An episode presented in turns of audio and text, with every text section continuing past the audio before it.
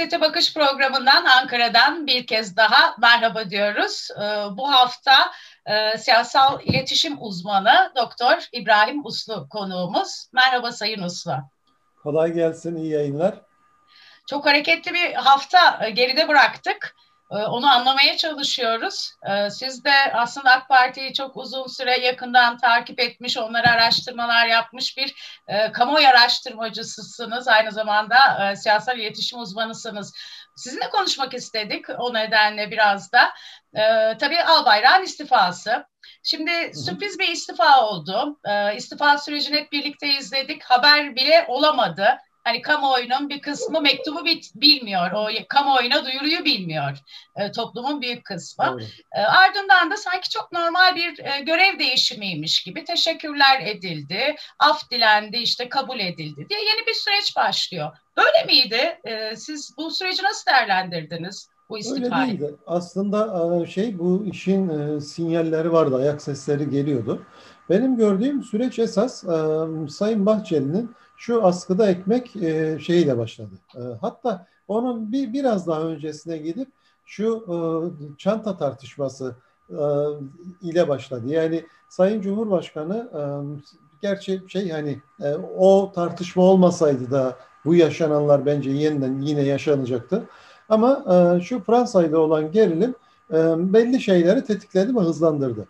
Şimdi e, ilk önce bir çanta tartışması başladı. Çanta evet. tartışmasını başlatan Sayın Kılıçdaroğlu oldu. E, Sayın Cumhurbaşkanı aslında e, Fransa'nın ve Macron'un e, siyasi şeye e, edebe uymayacak açıklamalarından sonra e, Fransız mallarını boykot çağrısı yaptı. E, Sayın Kılıçdaroğlu da çıkıp dedi ki ya yani bu, bu çocuk oyuncağı mı neyi boykot ediyorsunuz neyi boykot ettiğiniz bile belli değil. Yani gerçekten samimiyseniz hani bu ciddi bir çağrıysa o zaman e, işte hanımefendinin çantasını, e, Fransız çantasını değer 50 bin dolar civarında olan yakarak başlayın dedi. E, bu bir siyasi polemikti aslında. Sayın Cumhurbaşkanı ona cevap vermeseydi o tartışma orada bitebilirdi. Fakat cevap verme ihtiyacı duydu. Fakat cevap verince de hata yaptı benim gördüğüm. ve o bir, bir sürü arka arkaya şey zincirleme reaksiyon geliştirdi. Çünkü çanta tartışması başladı o çanta tartışmasında benim şey gördüğüm, gözlemlediğim Sayın Cumhurbaşkanı hata yaptığını anladı. Çünkü çantaya cevap veremedi. E, senin etrafında bir sürü beyaz Türk var, onlar çantalarını yaksınlar dedi. Ama şey değil, hani bu İngilizce tabiriyle relevant değil, alakadar değil. Niye? Çünkü Fransız mallarını boykot edin diyorsunuz. E, o zaman e, siz başlayın diyor biri. Hayır ben başlamayayım, siz başlayın diyorsunuz. Şimdi tabii o şey sıkıntılı bir şey tablo. Aile üyelerini o, karıştırmayın yanıtı tabii Emine Erdoğan değil Berat Albayrak akla getirdi o zaman. Hakikaten öyle oldu. So, arkasından bu işte e, şey yani saray sosyetesi bilmem ne halkın fakirliği falan o bir tartışmayı tetikledi. Tam o arada Sayın Bahçeli bir ultimatom yayınladı. Bence askıda ekmek tartışması bir ultimatomdu. E, kimisi onu bir toplumsal sorumluluk projesi olarak gördü. Eğer öyle olsaydı Türkiye'nin her yerinde başlatılırdı. MHP Türkiye'nin her yerinde örgütlü bir parti ve sürdürülürdü. Fakat Sayın Bahçeli bunu yapmadı. Yani sadece Çankaya'da bir kare fotoğraf çektirildi. Aslında söylediği şuydu. Bu ülkede kuru ekmeğe muhtaç insanlar var. Bu sorunu çözün dedi. Tabii bu eğer sorun çözülmezse ben artık e, şey size verdiğim desteği çekerim anlamı da buradan çıkar. Bu kısmını söylemedi ama siyasetçi elbette ki bunu anlıyor. Yani iktidar ortağıysanız, koalisyon ittifak ortağıysanız iktidarın her şeyine destek veriyorsunuz ve kalkıp diyorsunuz ki tamam yani ben sana destek veriyorum her şey iyi ama ama bu ülkede de kuru ekmeğe muhtaç insanlar var. Yani evet. kelimenin tam anlamıyla bunu dedi. Geçim zorluğu falan demedi. Kuru ekmek dedi. Yani bir ekmeği evine götüremeyen insanlar var dedi. Bu çok sert bir e, ifade aslında ve e, bir de bunu görselleştirince e, bu e, ondan sonra muhalefet tabii bu konunun üzerine gitmeye başladı. Sayın Cumhurbaşkanı oradan çok rahatsız oldu. Cevap veremedi ilk başta. Sonra hatırlayacağınız gibi Malatya'ya gitti ve orada o servisçi esnafı geldi ve Bahçeli'nin söylediği şeyi söyledi. Evimize ekmek götüremiyoruz dediler. Sayın Cumhurbaşkanı orada da bence bir e, şey spontan bir gelişme olduğu için çok düşünmeden cevap verdi kanaatimce. doğal olarak yani bir duş durun bir dakika bekleyin düşüneceğim danışmanlarımla istişare edeceğim falan diyecek hali yok. O an spontan bir cevap vermesi gerekiyor. Ve bir de mikrofonla hani ikili diyalog olsa belki tevil edilebilirdi.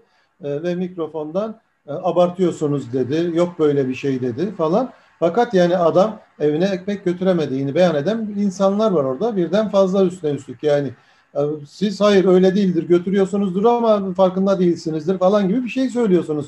E, evime ekmek götüremiyorum evet. diyen insana abartıyorsunuz dediğinizde.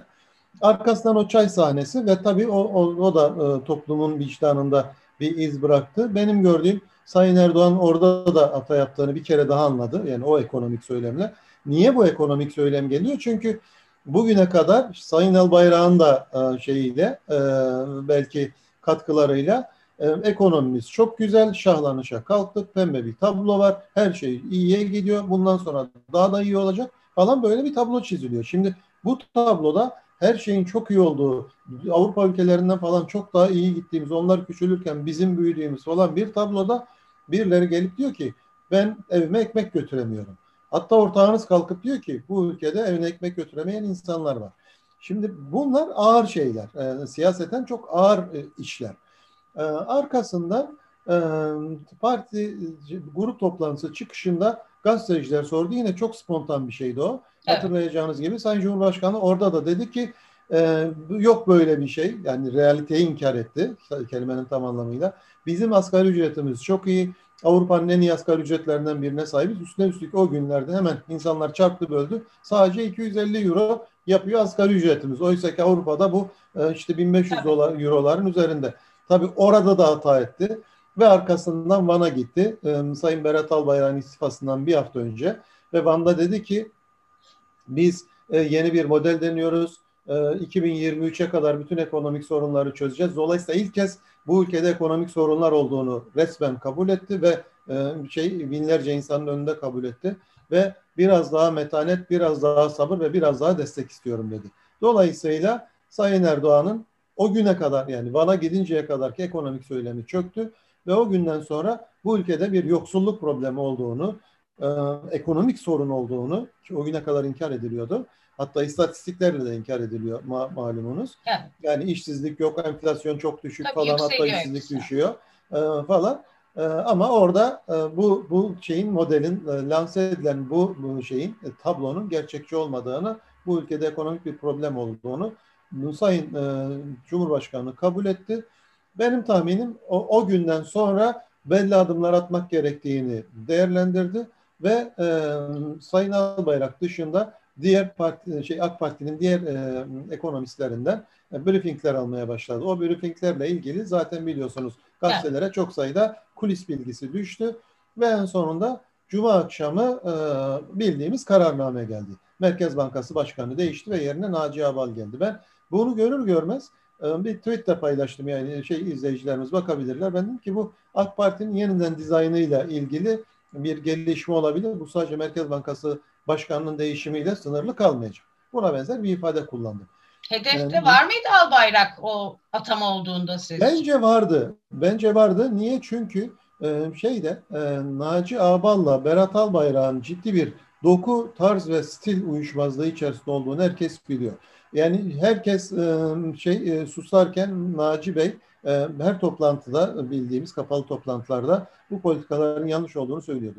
İkisi mevkidaşlar Halep Selef ilişkileri var e, ve e, şey, Naci Aval'la e, şey birbirinin mefhumu muhalifi e, eski tabirle. Yani biri beyazsa öbürü siyah. E, evet. Biri gece ise öbürü gündüz. Niye? Çünkü biri devlet terbiyesinden geliyor. Devlet terbiyesinden maliye müfettişliği bir kariyer uzmanı. Evet. Yani işte kitap, ıı, kural, kanun, kaide, bilim, ıı, mantık vesaire falan bu ve kurumsal yapı onun içerisinde çalışmaya alışmış. Öbürü ise e, şeyden e, devlet terbiyesi dışından geliyor, iş dünyasından geliyor. Improvize yani aklına isteğini yapan o esnada kural, kaide, kitap, defter falan bunlara falan çok fazla dikkat etmeyen kurumların çalışma ve onların teamüllerini nazarı dikkate almayan bir tarza sahip. Dolayısıyla Şimdi e, Naci Ağbal'la Berat Albayrak'ın birlikte çalışamayacağı o kadar belliydi ki yani her ikisini de yakından tanıyan insanlar hatta yakından tanımaya gerek yok. Tarzlarını bilen insanlar Bu ikisi asla bir arada yaşamaz dedi. Şimdi siz bakanken sizin e, Merkez Bankası gibi yani e, şey para politikalarını çünkü şeyi düzeltecekseniz işte makroekonomik göstergeleri düzeltecekseniz elinizde birkaç tane enstrüman var. Bunlardan biri para politikaları Merkez Bankası'nın kontrolünde ve sorumluluğunda. Tabii. Yani e, enflasyon ve e, faiz ve döviz kuru şeylerini, rakamlarını orası belirliyor. Onun dışında maliye politikaları var. Tamam Maliye Bakanı olarak o sizde. Yani vergi miktarlarını falan belirliyorsunuz. Neyden ne kadar vergi alınacak.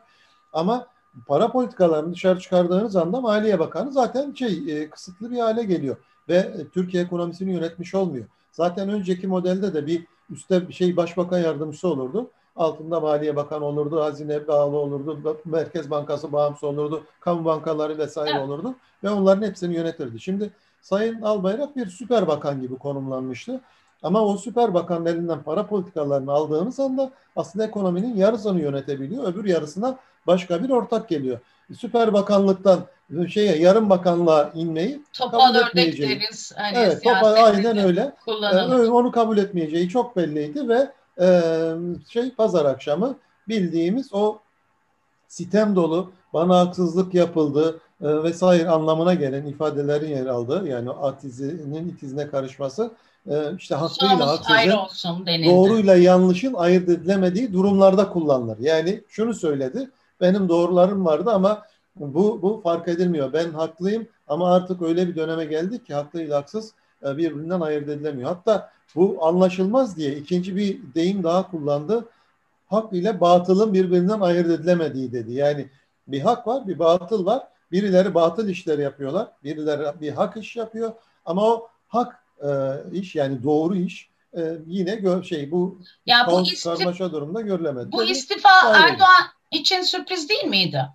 Bence değildi. Yani o hamleyi yaptıktan sonra e, normal şartlar altında siyasette birini e, eğer görevden alamıyorsanız, almak istemiyorsanız onu e, öyle bir iş yaparsanız ki kardeşim seninle çalışmak istemiyorum, bunu da alenen söylemek istemiyorum ama artık anla ve lütfen bırak diyeceğiniz hamleler yaparsınız. Mesela adam müsteşar yardımcısıdır veya da müsteşardır. Müsteşarın bütün yetkilerini alır bakan. Daha önce bunlar yaşandı. İşte bir müsteşar yardımcısına verir. Müsteşar evet. boş boş oturur. O hiçbir işi yoktur. Çünkü bütün yetkiyi bakan ondan almış müsteşar yardımcısına vermiştir. Müsteşar buradan bir tek sonuç çıkarır. Benim artık gitme zamanım geldi der ve ayrılır. Yani Ama Sayın Uslu, onu... şimdi 27 saatlik bir sessizlik. Ee, gördük işte ajansların birçok haber kanalının istifayı vermediği bir durum. İletişim Başkanlığı açıklamasına kadar. Ee, pardon Ömer Çelik'in öncesinde bir açıklaması vardı galiba. Şimdi Biz karışamayız dedi o. Zaten bu iyi sessizlik peki nedendi? Yani sürpriz değilse bir hazırlık yok muydu bu anlamda? Benim gördüğüm şey birincisi Böyle sert bir metin beklemiyorlardı muhtemelen. Belki o arada bir iletişim ya da bir şey yani diyalog çabaları oldu. Artı belki bu kadar şey hızlı ve fevri bir biçimde bu olayın gerçekleşmesini beklenmiyordu. O da olabilir. Yani Cuma gecesi atamayı yapıyorsunuz. Evet. Pazar akşamı da yani daha hafta sonundayken mesai bile başlamamışken yani bir gün bile teşviki mesai birlikte çalışma gerçekleşmeden bu işin olacağını belki düşünmemişlerdi. Yani bu atama olur. Bir süre sonra e, anlar ve işte bu işin böyle yürümeyeceğini gelir söyler ve izin ister ve ondan sonra ayrılır falan diye bekleniyordu. Benim tahminim öyle. Yani normal şartlar altında böyle bir şey olduğunda yapılması gereken şudur. Bu hepimiz için geçerli. Yani bizler de profesyonel çalışanlarız. Evet. Ya da işte ömrümüzün belli dönemlerinde profesyonelce çalıştık. Eğer bizim üstümüzdeki insanlar bizim kabul edemeyeceğimiz bir şey e, yaptılarsa, bir e, hamle yaptılarsa ee, büyük çoğunluğumuz hemen e, şey fevri tepki verip olay olur olmaz istifa etmeyiz değil mi? Hepimizin başına gelmiştir Tabii. bu. Yani bir süre şey e, bakarız. Olmayacağını iyice anlarız. istişareler ederiz kendi eşimize, dostumuza. Sonra gideriz o, o işi yapan üst yöneticimize ya da patronumuza deriz ki ben bu şartlar altında çalışamam. Bu benim evet. bana izin falan dersiniz. Yani böyle bir bunun bir kaidesi şeyi kuralı vardır. Yani biri bir hamle yaptığında ertesi gün siz de hemen pat diye hamle yapmazsınız. Belki bu beklendi. Benim tahminim böyle bir şey oldu. Yani Sayın Cumhurbaşkanı lisanı münasiple e, artık bu şey ben bu ekonomi yönetimindeki mentaliteyi değiştiriyorum. Daha devlet terbiyesinden kural, kaide, kurum, kurul vesaire bu terbiyelerden geçmiş ve bunlarla yönetecek insanlara ihtiyacım var benim dedi. Ama bu kadar fevri yani sosyal medya üzerinden baştan aşağı sistem dolu bir e, şeyle e, mektupla istifa etmesini beklemiyordu. Benim tahminim sürpriz orada oldu. Yani bir süre sonra gelir, konuşur, e, izin ister, affını ister. E, hatta belki çıkışta kamuoyuna bir açıklama yapar. Şu gerekçelerle ayrıldım. Sayın Cumhurbaşkanı'na teşekkür ederim. Bugüne kadar bana güvendiği için. Bu bir bayrak yarışıdır falan. Yani bu işi çok kibarca yönetmek mümkündü aslında. Değil mi? Yani pazartesi olur, salı olur, gidersiniz, konuşursunuz. Çıkışta da bir açıklama yaparsınız. Teşekkür edersiniz. Ve sonra da özel yaşamınıza Bu dönersiniz. Artık için tabii burada da, e, Sayın Uslu hani bir de aile krizi boyutu konuşuldu malum. E, hani biraz o duygusallık biraz ondan kaynaklı herhalde değil mi? Aslında yani aile bağları varken bu duygusallığın daha az olması ve insanların daha kontrollü olması gerekirdi. Yani şimdi hiçbir duygusal yani hiçbir yakınlığınızın sosyal yakınlığınızın falan olmadığı bir insana böyle bir fevri tepki vermek daha kolaydır aslında.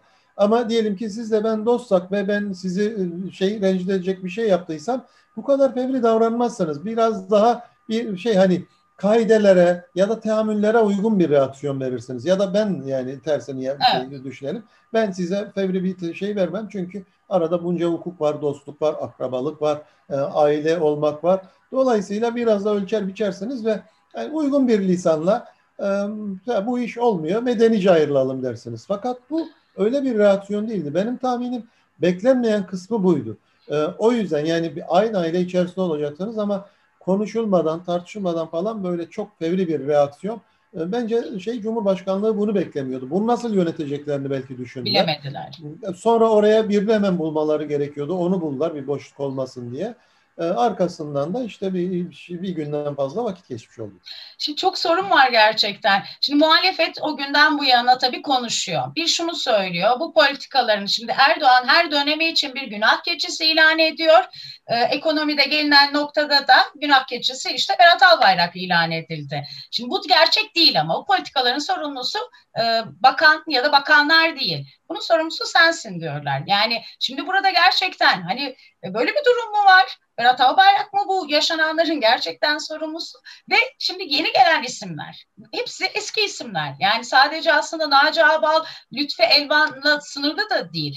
Partide tercihlerine baktığımızda plan bütçeye getirdiği isim Cevdet Yılmaz. Onun yerine Efkan Ala 4 yıl sonra partiye alınıyor. Yani ne oluyor? Ee, gerçekten bir değişim olabilir mi? Çok fazla sorun var. Bence değişim olmuyor. Aslında e, Sayın Erdoğan Cumhurbaşkanlığına geçtikten sonra e, ondan önceki şeylerini bırakmak durumunda kaldı. Tabii de oradan icraatı o yönetmedi. Evet yürütmenin başıydı ama arada bir başbakan vardı. Nitekim onunla da sorunlar yaşandı. Sonra Binali Yıldırım dönemi başladı. O da bir yeni deneyimdi. Çünkü öyle bir deneyime de alışkın değildi. Arkasından e, Cumhurbaşkanlığı sistemine geçildikten sonra tekrar e, şeye geriye dönmüş oldu. Fakat orada yeni yetkilerle yani bir cumhurbaşkanının hesap verme zorunluluğu olmaksızın vesaire falan tamamen bütün yürütmenin önceden yürütme Türkiye'de iki başlıydı. Anayasa değişikliğinden sonra bu tek başa indirildi.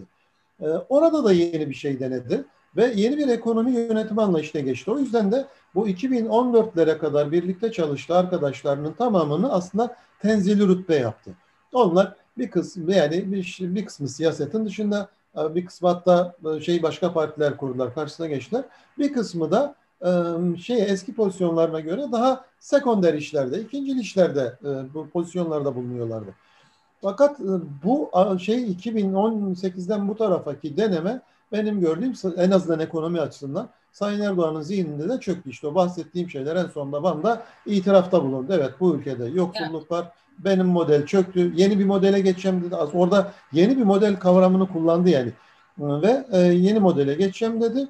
Şimdi yeni modelden kastımız kastı anlaşılan e, orada yeni bir maceraya atılmadı. Çünkü 2017 2000, 2018 2020 arasındaki model çöktü. İki yılda Türkiye maliyeti büyük oldu. Siyaseten kendisine maliyeti de büyük oldu. Öyle olunca 2014'te ee, bıraktığı noktaya geri döndü benim gördüğüm. Niye? Çünkü o model başarılıydı. Yani onu nasıl sonuçlar verdiğini, nasıl yönettiğinde, nasıl e, tepkiler aldığını, kamuoyunun nasıl tepkiler verdiğini o süreçleri bildiği için, deneyimlediği için daha önce benim gördüğüm şimdi aslında 2014'e geri döndü. Yani güvenli alana geri çekildi. Ee, şey e, diğer alanlarda da 2014'e geri dönecek mi?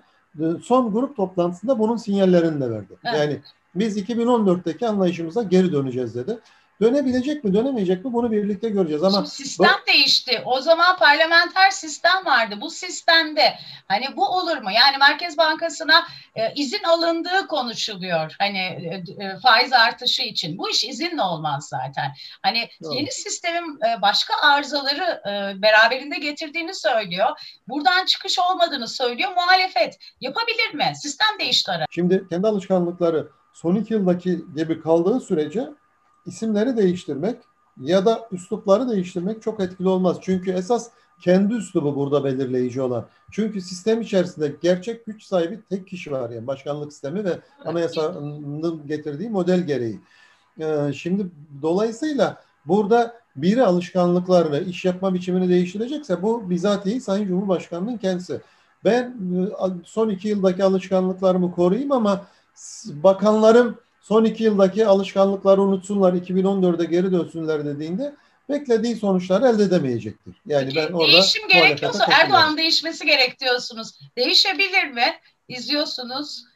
Aslında yani... evet, Sayın Erdoğan'ın bu şeye yeni durumlara adapte olma hızı çok yüksek. O tarafını da şey takdir etmek lazım. Yani hatta Türk siyasetinde hiç kimsede olmadığı kadar yeni durumlara adaptasyon yeteneği var. Bu onun en büyük gücü.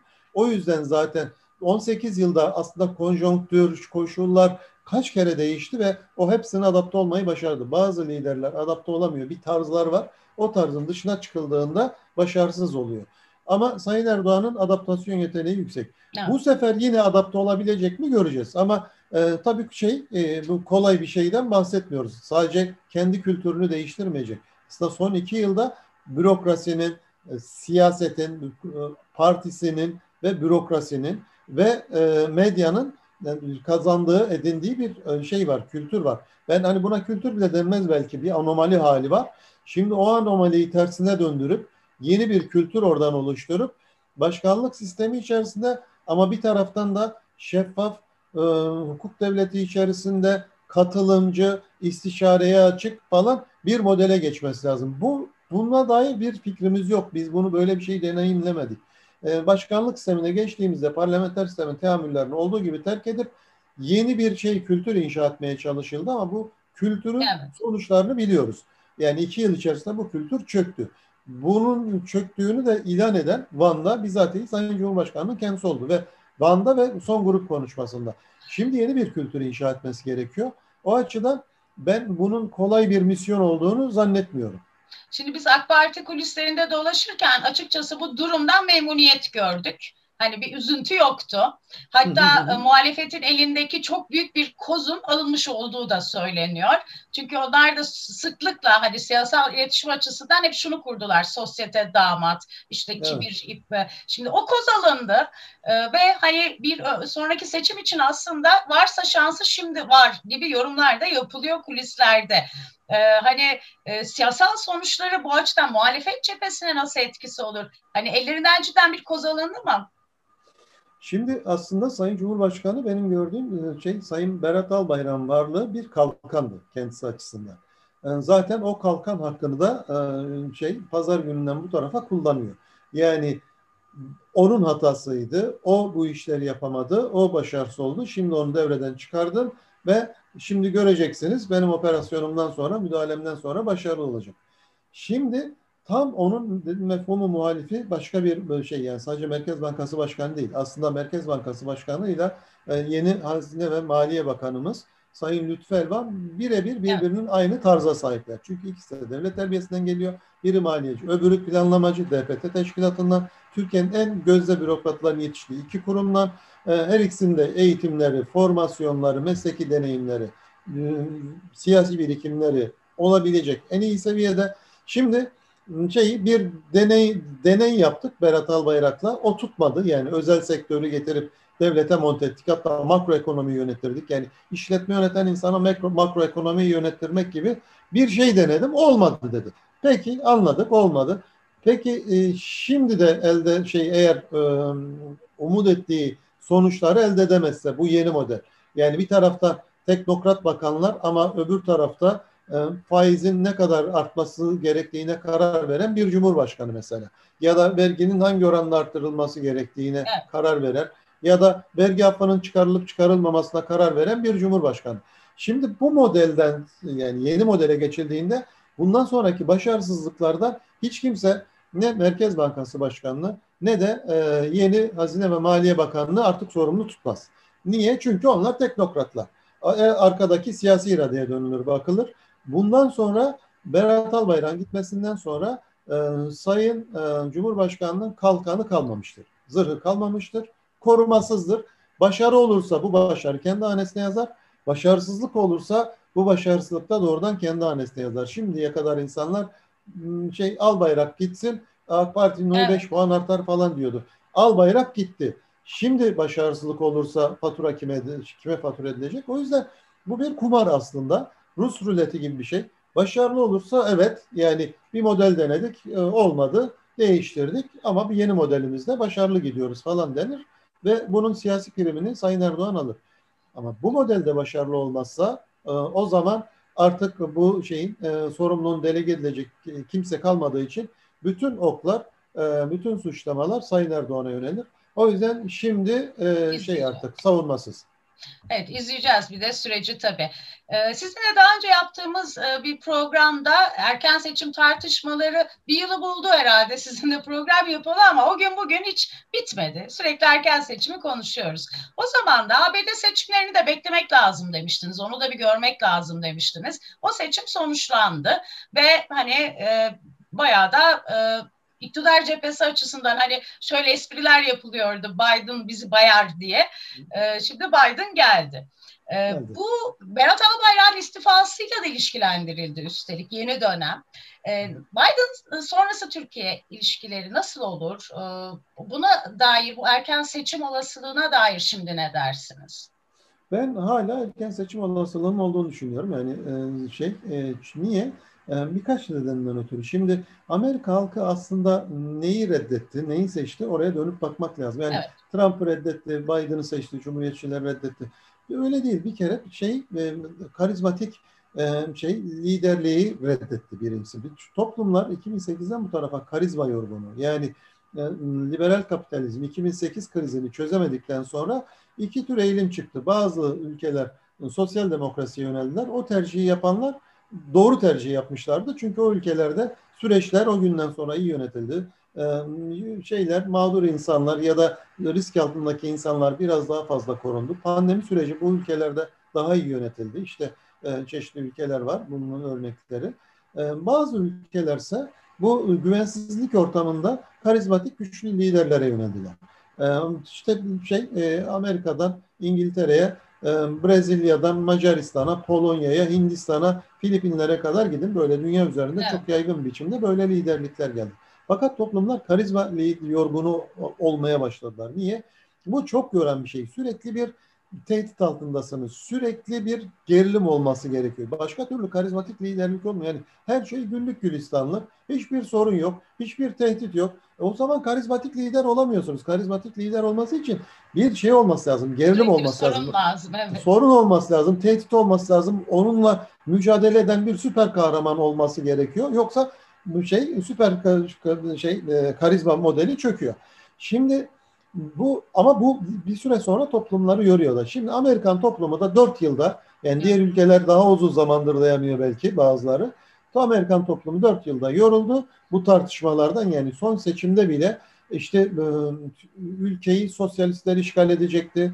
E, şey e, Türkiye hatta, seçimlerine çok benzettiler. Hatta evet. şey kiliseler kapatılacaktı falan filan yani artık iş buralara geldi. Yani hakikaten böyle şeyler söylendi afişleri bilmem neleriyle doğrudan Trump'ın beyanları falan var.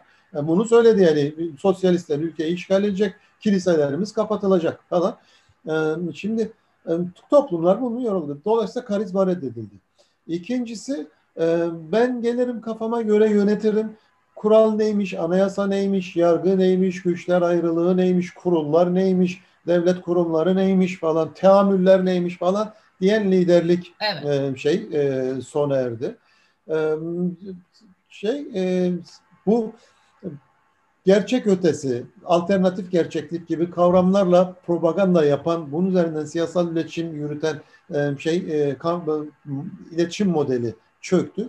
Şimdi bunlar reddetti. Bunlar şey reddedilmesi demek bu benim gördüğüm dünyada bir trend başlayacak. Ben ilk günden beri onu söylüyorum. Eğer Amerika e, şeyi reddedecek olursa, Trump'ı reddedecek olursa bu domino etkisiyle bütün ülkelere yayılır diye.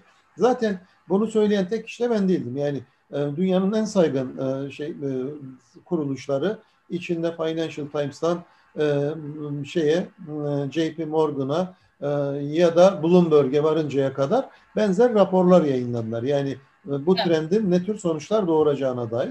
Orada bu popülizmin önümüzdeki süreç içerisinde hızla bütün dünyada kaybedeceğine dair tahminler var. Ben de onlarla birlikte şey onlara katılıyorum. Şimdi bu süreç birincisi yani şey Sayın Erdoğan da bu popülist lider şeyine tipolojisine uyuyor. Özellikle son 1-2 yılı Cumhurbaşkanlığına geçtikten sonra o profile uyuyor ve o profil dünyada ivme kaybediyor, kan kaybediyor. Şimdi dolayısıyla yeni bir şey bir, bir, bir sonraki seçimde bu şeyin handikaplar var. Bu tarz liderliği. Şimdi mesela e, son grup toplantısındaki profiline bakın Sayın Erdoğan'ın bu şeyi o, o bayağı minimize etti. Evet. Başka bir liderliğe geçiyor ama tabii kolay unutulabilecek bir şey de değil yani iki günde bunu unutamıyorsunuz. Ne kadar sürdürebilir Artık, ben de merak ediyorum. Evet yani ilk şeye gerilime kadar sürdür. Yarın öbür gün liderlerden biri bir şey dediğinde e, tamam hemen şey bir hafta önceki moduna geri dönebilir.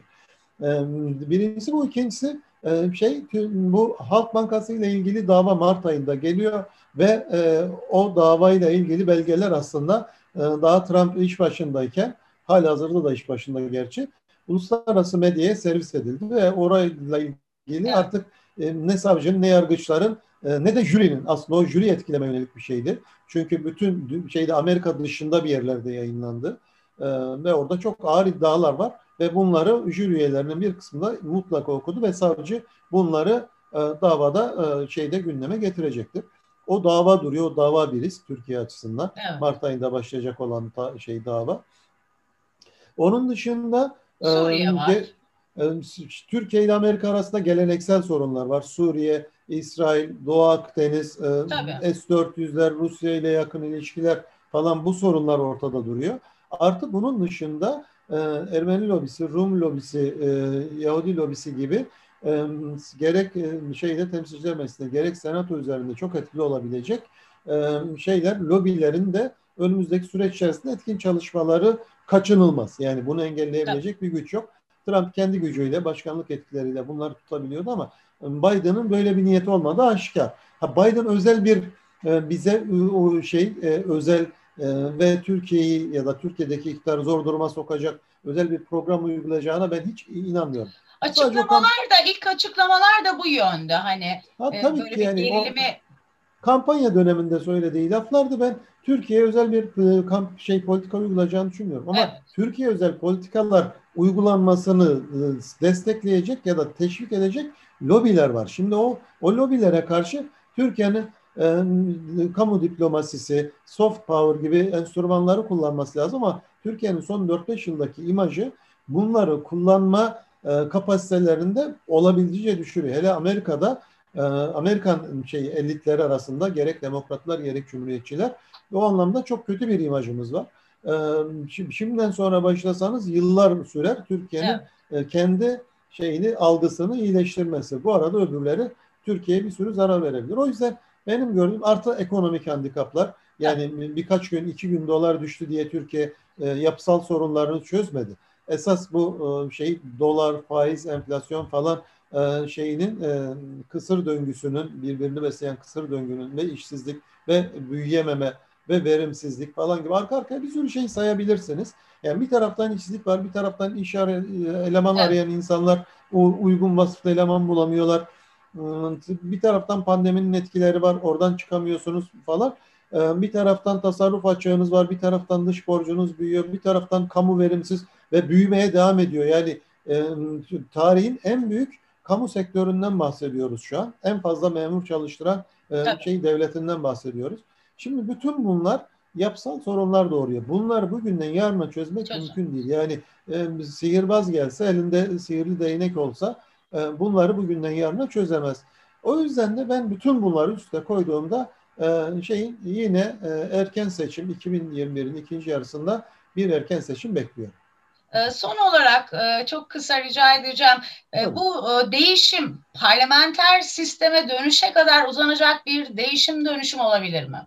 Bu da konuşuluyor. Yani erken seçime gidilmek zorunda kalınırsa zaten şey parlamenter sisteme de geçiş olmuş demektir. Benim şeyim kanaatim erken seçim kararı alındığı gün aslında başkanlık sisteminin şeyin sonunun başladığı gündür. Niye? Çünkü o aşamadan sonra toplum kendisine bu eziyetleri çektiren sistemi kısa denemeyi reddedecektir. Çok kolaylıkla. Ama erken seçime gidilmez 2023'e kadar gidecek olursa tabii o zaman başkanlık sistemi artık kurumsallaşmaya başlar. İkinci başkanlık sistemi içerisinde seçimle birlikte. O yüzden erken seçim kararı alındığı gün başkanlık sisteminin e, bitişinin ilan edildiği gün olur. Evet, izleyeceğiz. Bu son e, bütün açıklamalarda sürdürülebilir, öngörülebilir işte ifadeleri geçti büyük harflerle hatta. E, şimdi onu sürdürebilip e, sürdüremeyeceklerini izleyeceğiz. Herhalde bir zaman alacak. Bu süreci takip edeceğiz. Sayın Uslu, Sayın İbrahim Uslu, siyasal, siyasal iletişim uzmanı. Değerlendirmeleriniz için çok teşekkür ediyoruz. Bir başka programda yine konuk etmek isteriz sizi. Çok da ben davetiniz için teşekkür ederim. Ee, inşallah ilk fırsatta görüşmek dileğiyle. Saygılar. Siyasete bakıştan merhaba dedik. Gelecek hafta tekrar buluşmak üzere. Bugünlük hoşçakalın.